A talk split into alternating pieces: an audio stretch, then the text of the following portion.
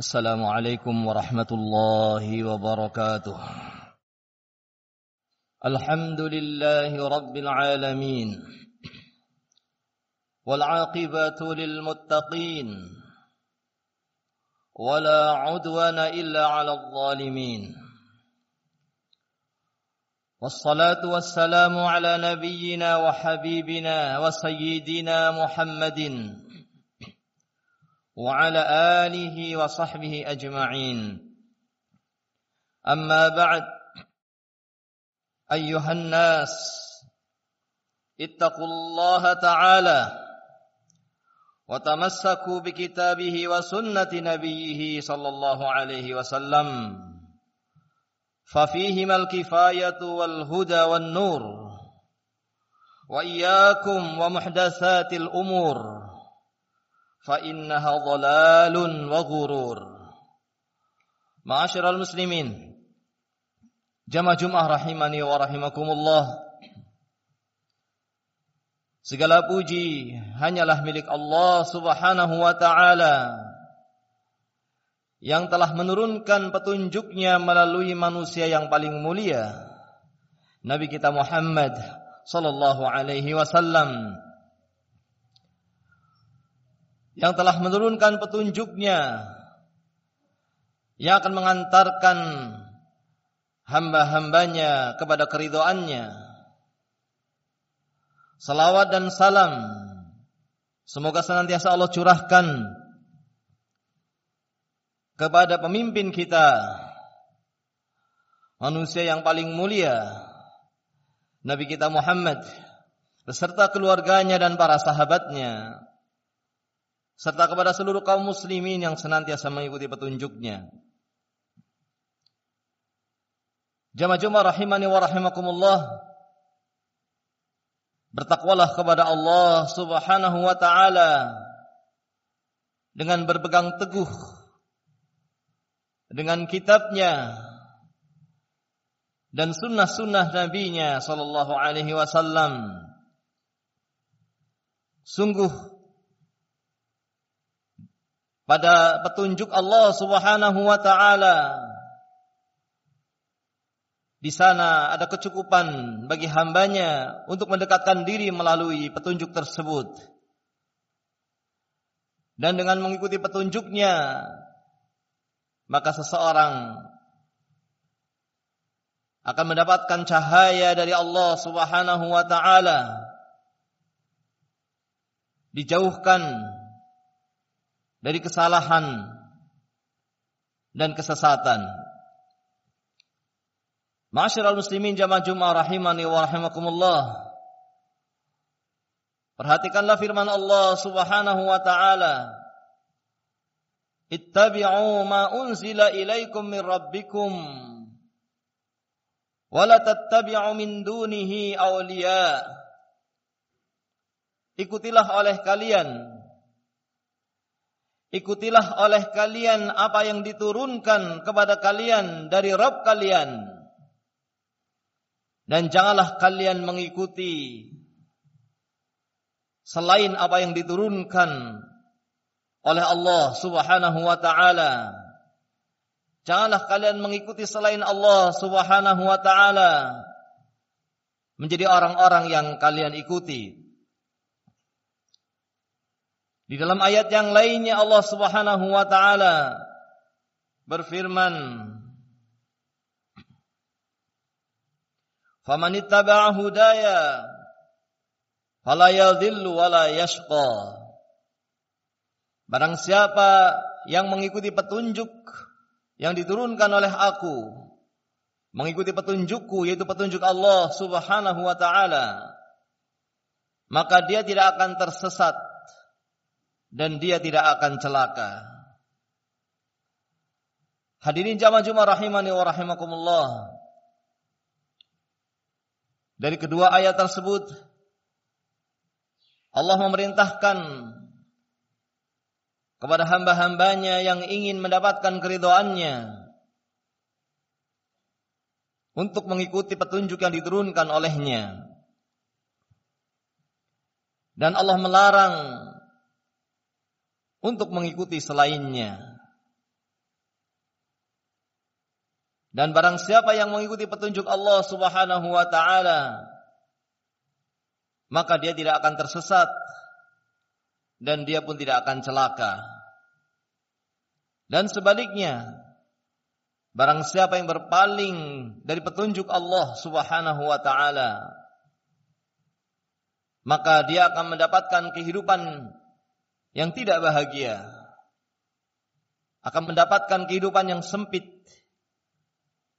Mendapatkan kehidupan yang tidak tenang.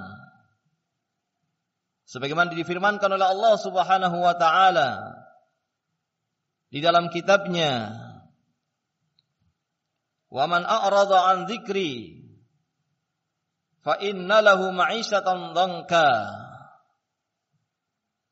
wa nahsyuruhu yaumal qiyamati a'ma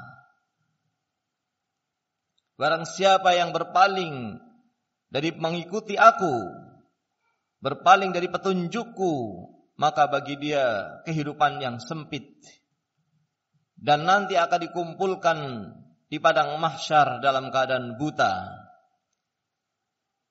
Jamaah Jumat rahimani wa. Perhatikanlah firman Allah Subhanahu wa taala yang telah kita bacakan. Memberikan petunjuk kepada kita, memerintahkan kepada kita untuk mengikuti petunjuknya dan mengingatkan orang-orang yang berpaling dari petunjuknya bahwa dia tidak akan mendapatkan kebahagiaan di dunia. Maka orang-orang yang tidak beriman hati mereka tidak tenang. Mereka tidak mendapatkan kebahagiaan yang sesungguhnya. Bahkan di dunia sekalipun meskipun terlihat mereka tercukupi dari apa-apa yang mereka inginkan di dunia. Pakaian, makanan, kendaraan. Namun ketahuilah bahwa mereka tidak merasakan ketenangan di dalam hidupnya. Bahwa mereka adalah orang-orang yang sempit hatinya. Karena demikianlah yang diberitakan oleh Allah Subhanahu wa taala fa lahu. Ada juga yang menyebutkan bahwa ayat ini berkaitan dengan orang-orang yang diadab di kuburnya. Bahwa orang-orang yang tidak mengikuti petunjuk Allah Subhanahu wa taala, maka dia akan sempit di alam kuburnya, akan dihimpit di alam kuburnya. Oleh karena itu, ma'asyiral muslimin jamaah Jumat rahimani wa rahimakumullah, Marilah kita bersungguh-sungguh dalam mengikuti agama Allah Subhanahu wa taala dan yakin dengan apa yang dijanjikan oleh Allah Subhanahu wa taala berupa kebahagiaan di dunia dan di akhirat. Di dalam ayat yang lainnya Allah Subhanahu wa taala menyebutkan Wa may yuti'illaha wa rasulahu yudkhilhu jannat tajri min tahtihal anharu khalidina fiha wa dzalikal fawzul azim barang siapa yang mentaati Allah dan mentaati rasulnya maka Allah akan memasukkannya ke dalam surganya yang mengalir di dalamnya sungai-sungai dan mereka akan tinggal selama-lamanya di dalam surga tersebut. Dan itulah sesungguhnya keberuntungan yang besar. Wa rasulahu wa yata'adda hududahu yudkhilhu naran khalidan fiha wa lahu 'adzabun muhin. Adapun orang yang tidak mentaati Allah dan Rasulnya bermaksiat kepada Allah dan Rasulnya, maka Allah akan masukkan dia ke dalam nerakanya. Ya'sillaha wa rasulahu wa yata'adda hududahu. Barang siapa yang bermaksiat kepada Allah dan Rasulnya dan melanggar batas-batas syariatnya, maka Allah akan memasukkan dia ke dalam neraka dan baginya azab yang menghinakan. Ayat ini memberikan petunjuk kepada kita agar kita mentaati Allah dan Rasulnya. Agar kita tidak bermaksiat kepada Allah dan Rasulnya. Dan mentaati Rasul adalah mentaati Allah subhanahu wa ta'ala. Wa yuti'ar Rasul faqad Allah. Barang siapa yang mentaati Rasul maka dia telah mentaati Allah Subhanahu wa taala. Dan orang yang mentaati Rasul maka dia mendapatkan petunjuk, dia telah berada di atas hidayah. Wa in tuti'uhu tahtadu. Barang siapa yang mentaati Rasul maka dia adalah orang yang akan mendapatkan hidayah dari Allah Subhanahu wa taala. Dia pun mendapatkan rahmat Allah Subhanahu wa taala sebagaimana di dalam firman-Nya, Wa ati'ullaha wa rasula la'allakum turhamun. Taatilah Allah dan Rasulnya, maka kalian akan mendapatkan rahmat Allah subhanahu wa ta'ala. Oleh karena itu, ma'asyiral muslimin rahimani wa rahimakumullah. Marilah kita jalankan ayat-ayat Allah Subhanahu wa taala, kita amalkan ayat-ayat Allah Subhanahu wa taala yang memerintahkan kepada kita untuk mengikuti jalannya Rasulullah sallallahu alaihi wasallam untuk berpegang teguh dengan kitab Allah dan sunnah Nabi sallallahu alaihi wasallam dan tidak mengada-adakan ibadah yang tidak ada tuntunannya tidak menyelisih tuntunan Rasulullah sallallahu alaihi wasallam tidak mendekatkan diri dengan ibadah yang tidak ada tuntunannya dari Rasulullah sallallahu alaihi wasallam. Dan inilah sesungguhnya makna dari persaksian kita terhadap dua kalimat syahadat. Asyhadu an la ilaha illallah wa asyhadu anna Muhammadar Rasulullah. Yaitu mentaati Allah, mentaati Rasulnya.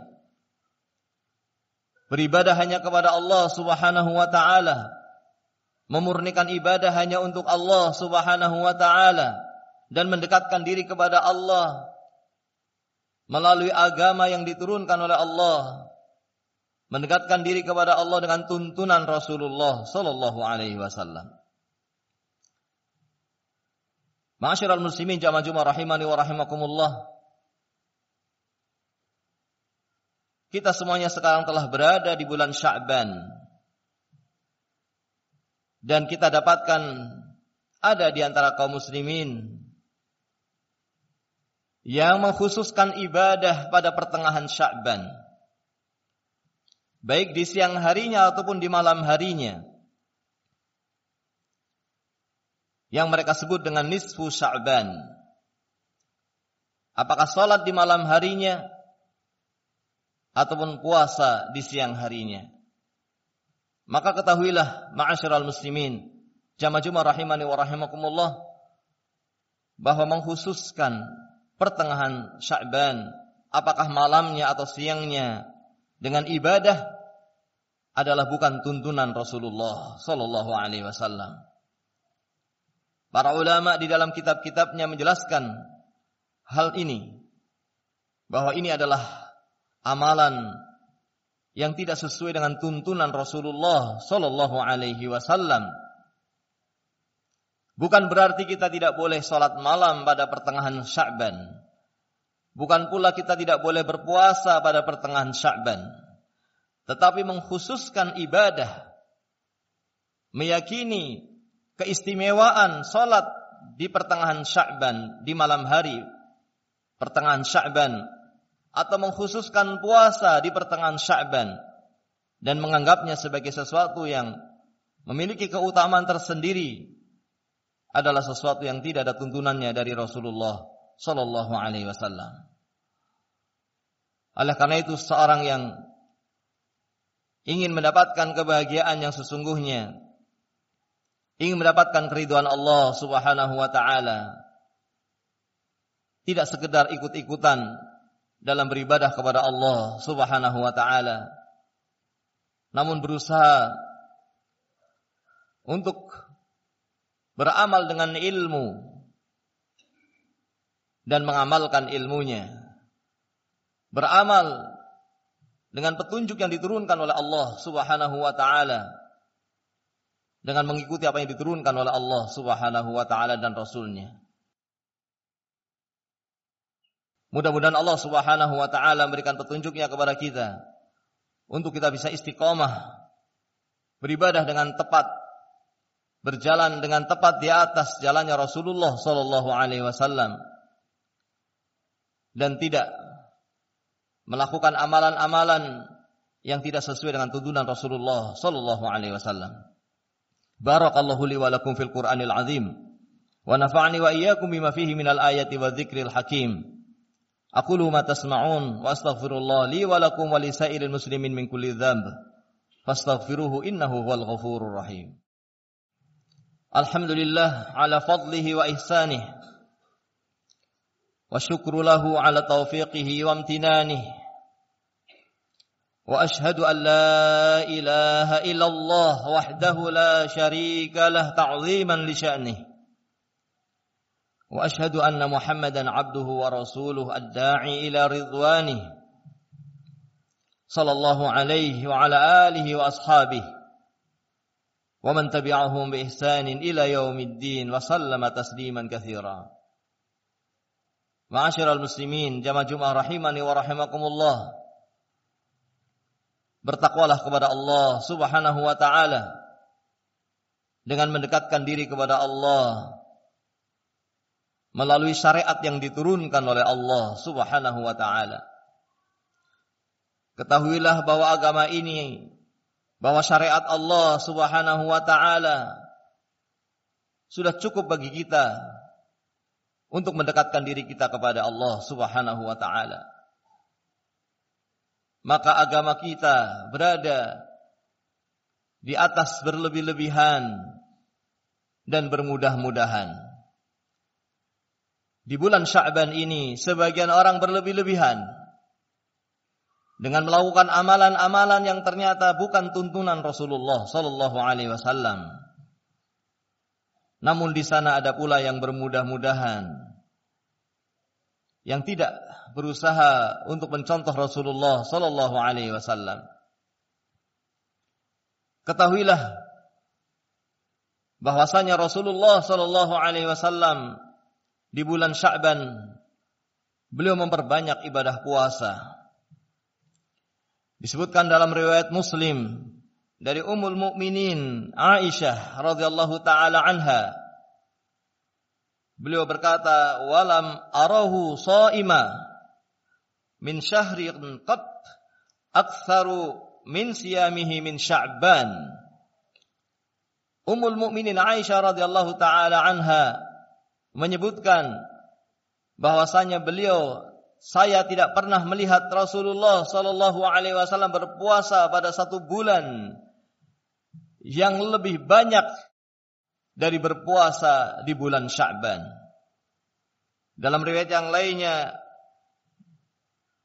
diriwayatkan kana yasumu Sya'ban illa qalila. Dahulu Nabi sallallahu alaihi wasallam berpuasa pada seluruh hari-hari di bulan Sya'ban kecuali beberapa hari saja yang beliau tidak berpuasa.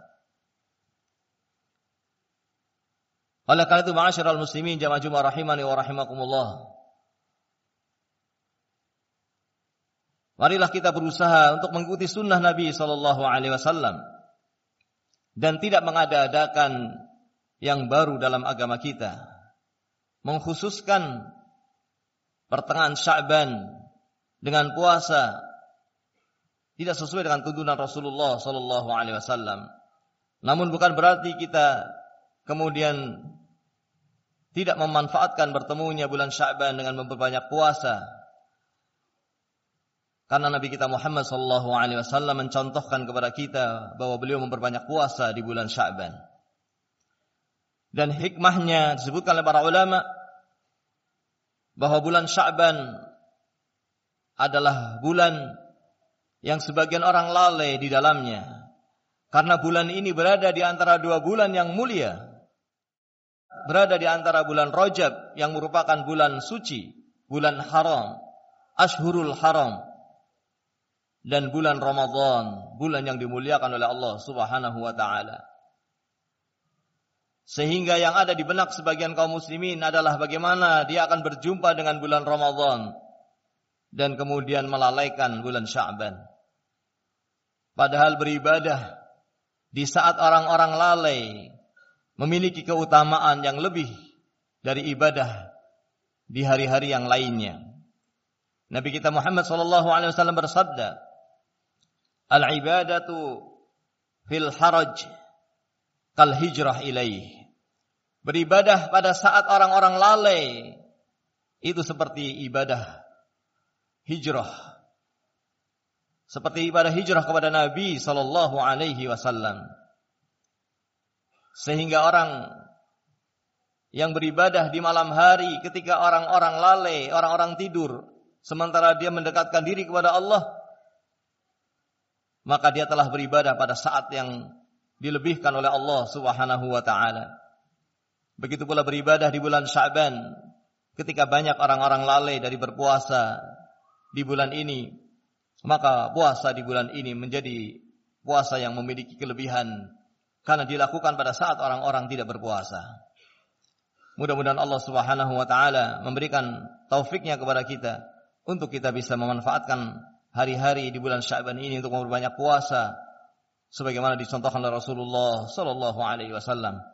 Dan marilah kita memperbanyak salawat dan salam kepada Nabi kita Muhammad sallallahu alaihi wasallam sebagaimana diperintahkan oleh Allah Subhanahu wa taala di dalam firman-Nya. Innallaha wa malaikatahu yusalluna 'alan nabi Ya ayyuhalladzina amanu sallu 'alaihi wa sallimu taslima. Allahumma salli wa sallim wa barik على نبينا محمد وعلى آله وصحبه أجمعين. وارض اللهم عن الخلفاء عن الخلفائه الراشدين أبي بكر وعمر وعثمان وعلي وعن الصحابة والتابعين ومن تبعهم بإحسان إلى يوم الدين. وعنا معهم برحمتك يا أرحم الراحمين. اللهم أعز الإسلام والمسلمين وأذل الشرك والمشركين والدمر أعداء الدين وانصر عبادك الموحدين. اللهم أصلح أحوال المسلمين في كل مكان. اللهم أصلح أحوال المسلمين في كل مكان. اللهم أصلح أحوال المسلمين في كل مكان. ربنا ظلمنا أنفسنا وإن لم تغفر لنا وترحمنا لنكونن من الخاسرين. اللهم اغفر للمسلمين والمسلمات والمؤمنين والمؤمنات الأحياء منهم والانوات إنك سميع قريب مجيب دعوات. ربنا آتنا في الدنيا حسنة وفي الآخرة حسنة وقنا عذاب النار. سبحان ربك رب العزة عما يصفون وسلام على المرسلين والحمد لله رب العالمين. وأقم الصلاة.